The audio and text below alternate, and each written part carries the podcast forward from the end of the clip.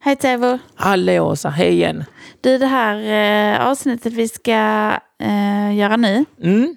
det handlar om när vi eh, träffade teckenspråkstolkarna på Stora likarättsdagen. Men du pratade ju länge om att eh, vi skulle ta in eh, teckenspråkstolkar Mm. i allt fler sammanhang. Just det. Eh, och eh, intervjun som vi kommer att höra då sen Mm. så nämner de ju just att det har blivit mer aktuellt nu under pandemin. Det syns mer på pressträffar och så. Just Men du det. nämnde ju detta långt tidigare. Mm. Vad var det du såg då? Alltså jag, jag ser ju liksom att eh, det här är ju en... Eh, en eh, jag vet alltså, Jag tänkte väl att eh, det, är, det är en självklarhet om man får säga så. Att det ska vara så. Informationen ska komma ut på det här sättet. För att det är ju, det är ju, det är ju ett sätt att kommunicera med alla. Där alla har för möjligheter att alltså, ja, ta till sig det som är sagt och, och, och, och så runt omkring en. Eh, som kan vara väldigt avgörande och viktig ibland. Ja, och det är ju så. Det är ju inte bara att anlita en tolk och tänka att nu har vi liksom gjort det som behövs. Mm. Och det blir ju verkligen supertydligt nu när vi eh, tittar tillbaka också på vad teckenspråkstolkarna faktiskt berättar om. Mm. Och om deras erfarenheter Mm. eh, och kunskaper. Mm. Eh, så det kommer vi strax titta tillbaka till. Just det. Och Mm. sen så har vi ju våren närma sig för fullt. Ja. Och eh, det är superhärligt. Mm. Och eh, vi På har alla ju... sätt och vis. Ja, och vi har ju faktiskt eh, ja, men bra information även denna gången som är bättre att ta i slutet. Just det. För att eh, vi är så ivriga att eh, komma igång och lyssna på teckenspråkstolkarna. Eh, Ja. Så vi tar väl och blickar tillbaka. Just det. Det här är en podcast där vi lyfter allas lika rättigheter och möjligheter. Vi föds nakna. Och sen då? Vi som håller den här podcasten är nyfikna personer för Region Skånes likarättsakademi. Vi frågar de som vet för att du också ska veta. Det här är vår podcast Alla föds nakna.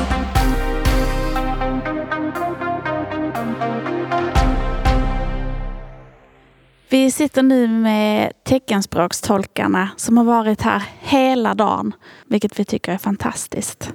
Och det är just detta som är likarätt, tycker jag. Ja, du har ju pratat om det länge, Taivo.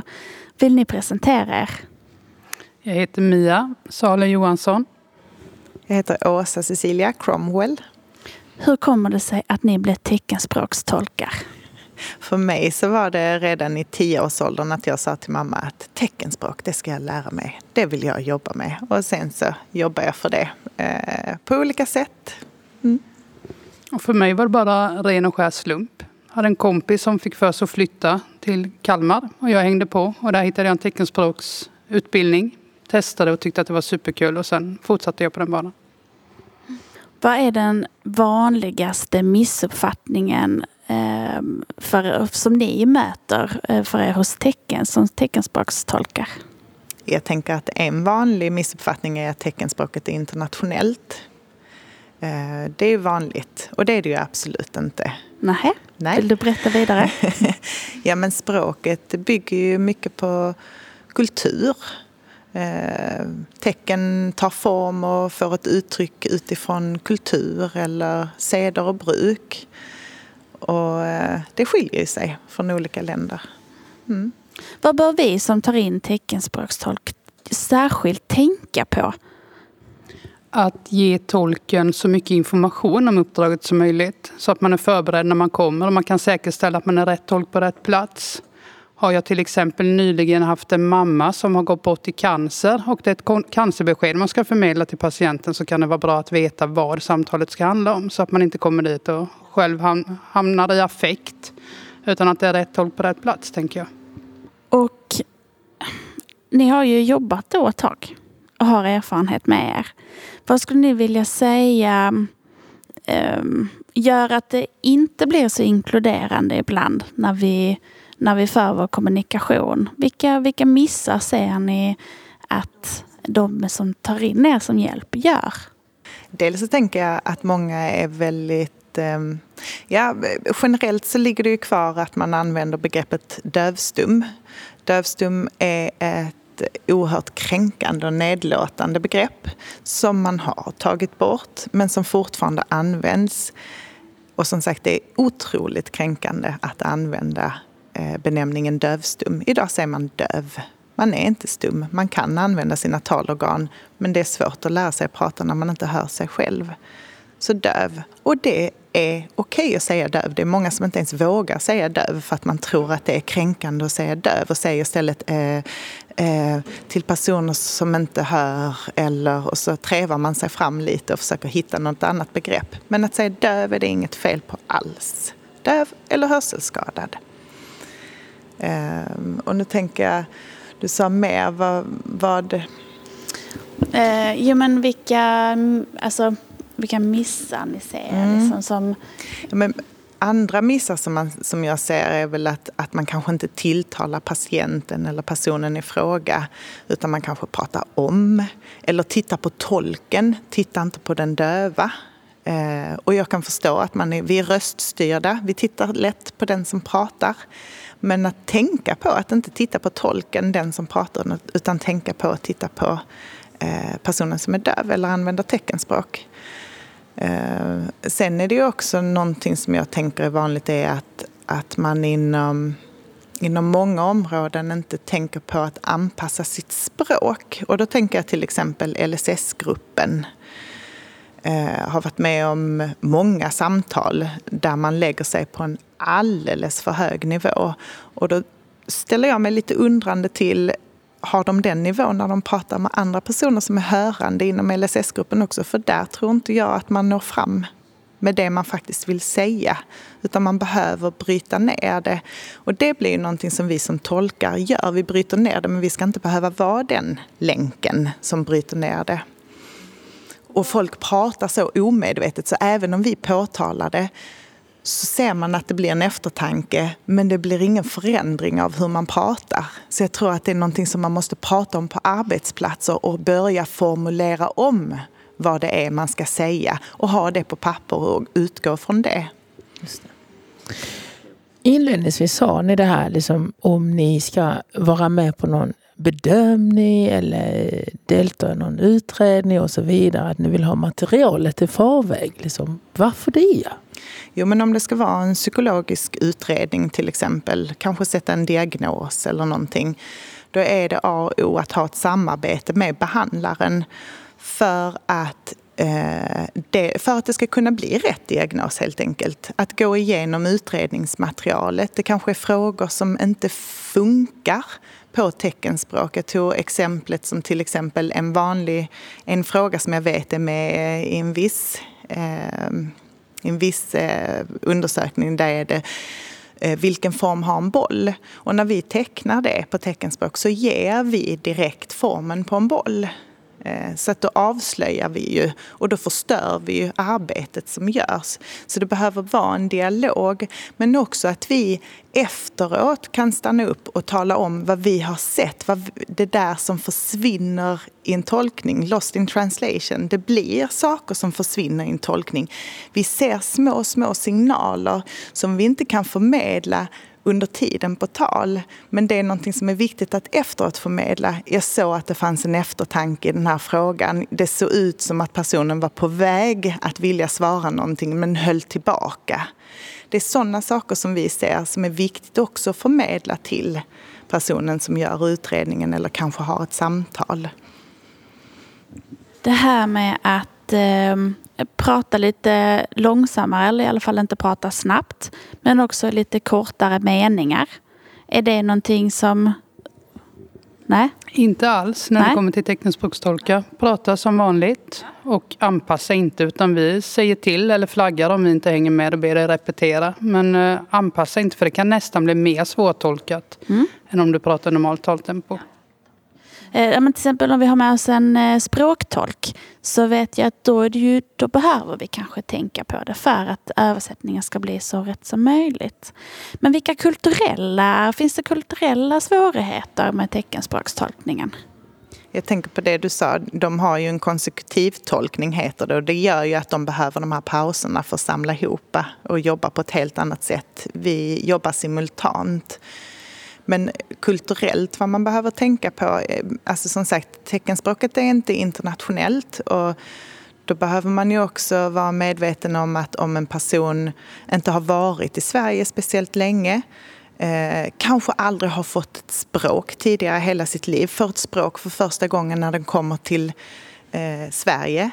Det ger eh, i princip i väldigt många fall, nästan alltid, eh, konsekvenser som eh, man benämner som språklig deprivation.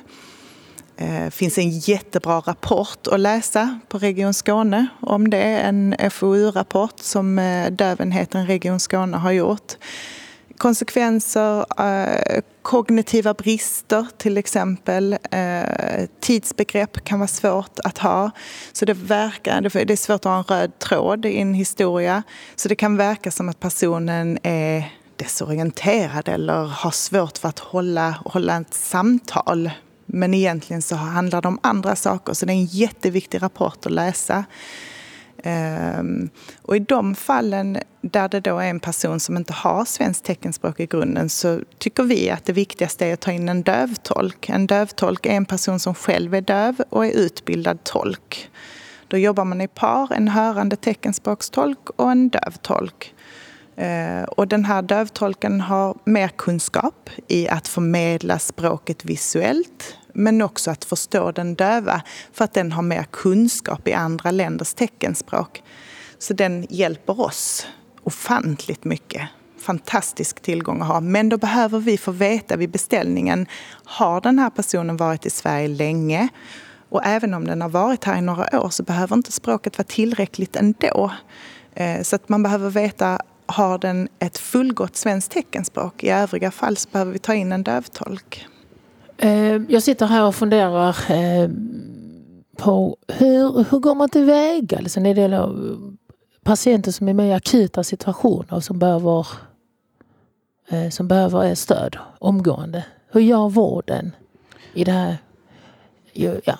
Ja, tyvärr är ju vården ganska dåliga på att beställa teckenspråkstolkar.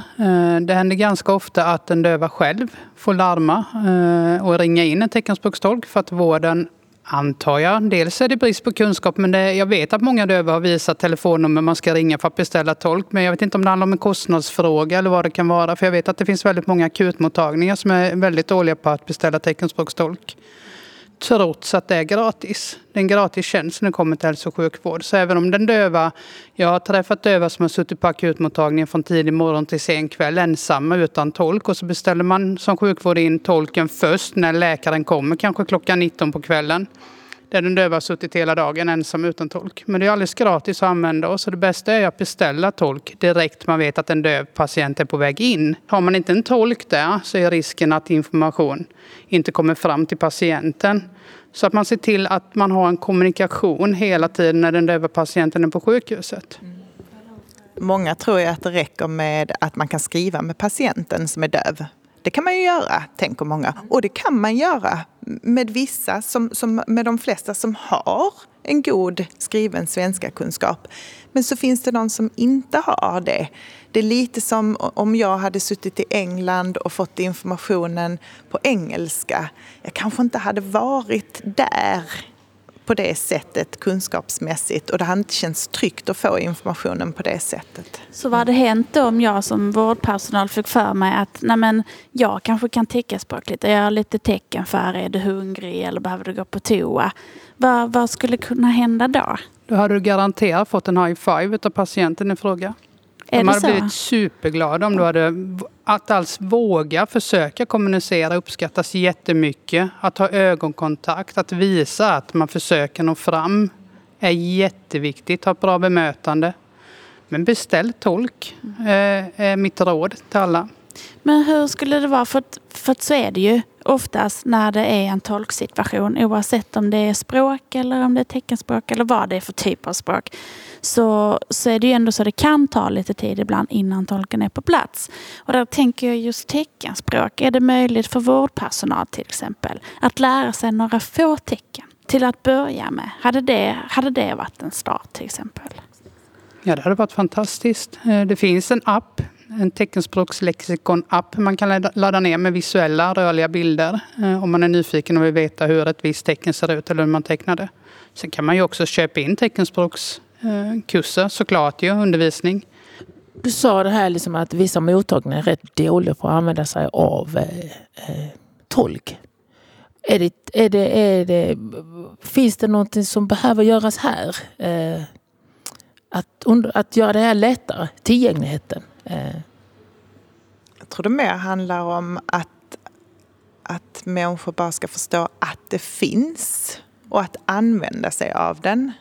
Eh, att inte, att inte nöja sig med att eh, personen i fråga har en släkting eller någon vän som kan tolka här. För man vet inte hur bra teckenspråkskunskaper den här vännen har. Det kanske är mycket, kanske är mycket att man får läsa på läpparna då och det kommer bara några stödtecken då och då. Så det är inte alls en säker information. Mm. Du har nu varit där och tolkar för oss på Stora likarättsdagen idag. Eh, har ni någon, någon reflektion idag? Som nu? Men jag tänker att det är så viktiga frågor. Lika rätt är ju så otroligt viktigt. Eh, och det som är härligt att se är att man mer och mer tänker inkludera det just för teckenspråkiga eller döva. Att man faktiskt eh, tar in tolk till allt fler situationer. Tänker nu Region Skånes pressträffar som teckenspråkstolkas till exempel. Att man, att man tycker det är en självklar sak att ta med. Jag hoppas att fler också tänker så. Och att det fortsätter även efter att pandemin är över. För det känns som att det blivit en sån eh, verkligen ögon vaknade nu liksom att folk har sett att Folkhälsomyndigheten använder teckenspråkstolkar. Så det finns precis överallt. Så jag hoppas att det också blir en reaktion som finns kvar efter att corona inte finns kvar längre. Det får vara sista ord. Tack att ni ville delta. Ja, tusen tack. Vad trevligt att få träffa er och prata med er. Tack detsamma. Detsamma. Så Taivo, nu när vi har lyssnat på det här tänker jag spontant att alltså det här är ju någonting som vi verkligen kan bli bättre på. Och, eh, och vi har mycket kvar att lära. Mm. Eh, och, det, och, och det har vi ju verkligen konstaterat nu under alla avsnitt vi har gjort. Mm. Eh, att det går verkligen att hela tiden bli bättre på lika rätt.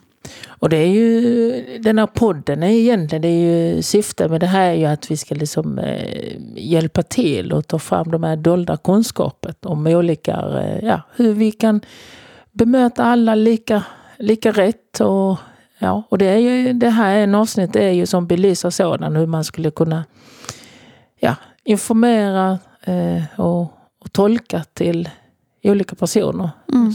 Så alla får samma möjligheter. Precis. Mm. Och väcka tankar. Eh, faktiskt. Mm. Men du sa att eh, vad har vi då till exempel mer i Region Skåne för att vi ska bli bättre på likarätt? Jo, så för att vi ska fortsätta bli bättre i det här eh, ämnet och området, då, då finns det ju eh, fortbildningsdagar i likarätts eh, hösten 21, eller i, i år, om psykisk ohälsa, eh, om ålder, det vill säga eh, ålder och äldre. Eh, och sedan också är det ju hbtq eh, under samma ja, höst. höst ja. Och, eh, och det är ju alldeles eh, toppen. Det är ju som en del också i att bli certifierad likarättsambassadör. Just det. Och allt det går ju att hitta på vår hemsida www.likarätt.nu. Just det. Mm. Så där är ju massa spännande saker. Men där är ju också lite mer om Stora likarättsdagarna. Exakt Åsa. Ja, nästa år är Stora likarättsdagarna Eh, den 10 och 11 maj 2022. Eh, och sen så vill vi påminna om vår mejl. Eh, likaratspodden skane.se där vi gärna tar in lite feedback. Just det. Ja, och till hösten så kommer det fler spännande poddavsnitt. Mm. Eh, har du någon liten eh, teaser eller låter vi det vara osagt vad som kommer att hända? Jag tycker det, vi låter det vara osagt. Det blir lite spänning i det hela, liksom, vad som händer under hösten nu här. Åsa, du ska ju, eh, du ska ju hitta på lite annat nu under hösten. Precis, så det blir ju för min del en liten paus. Eh, och vem som kommer ta över, det avslöjar vi inte. Nej, det gör vi inte än. Eh, och eh, tack till alla er som lyssnar. Mm. Och eh, framförallt de som har medverkat hittills. Ja, verkligen. Mm. Stort tack. Tack allihop. Hej. Hej. Det här är vår podcast. Alla föds nakna.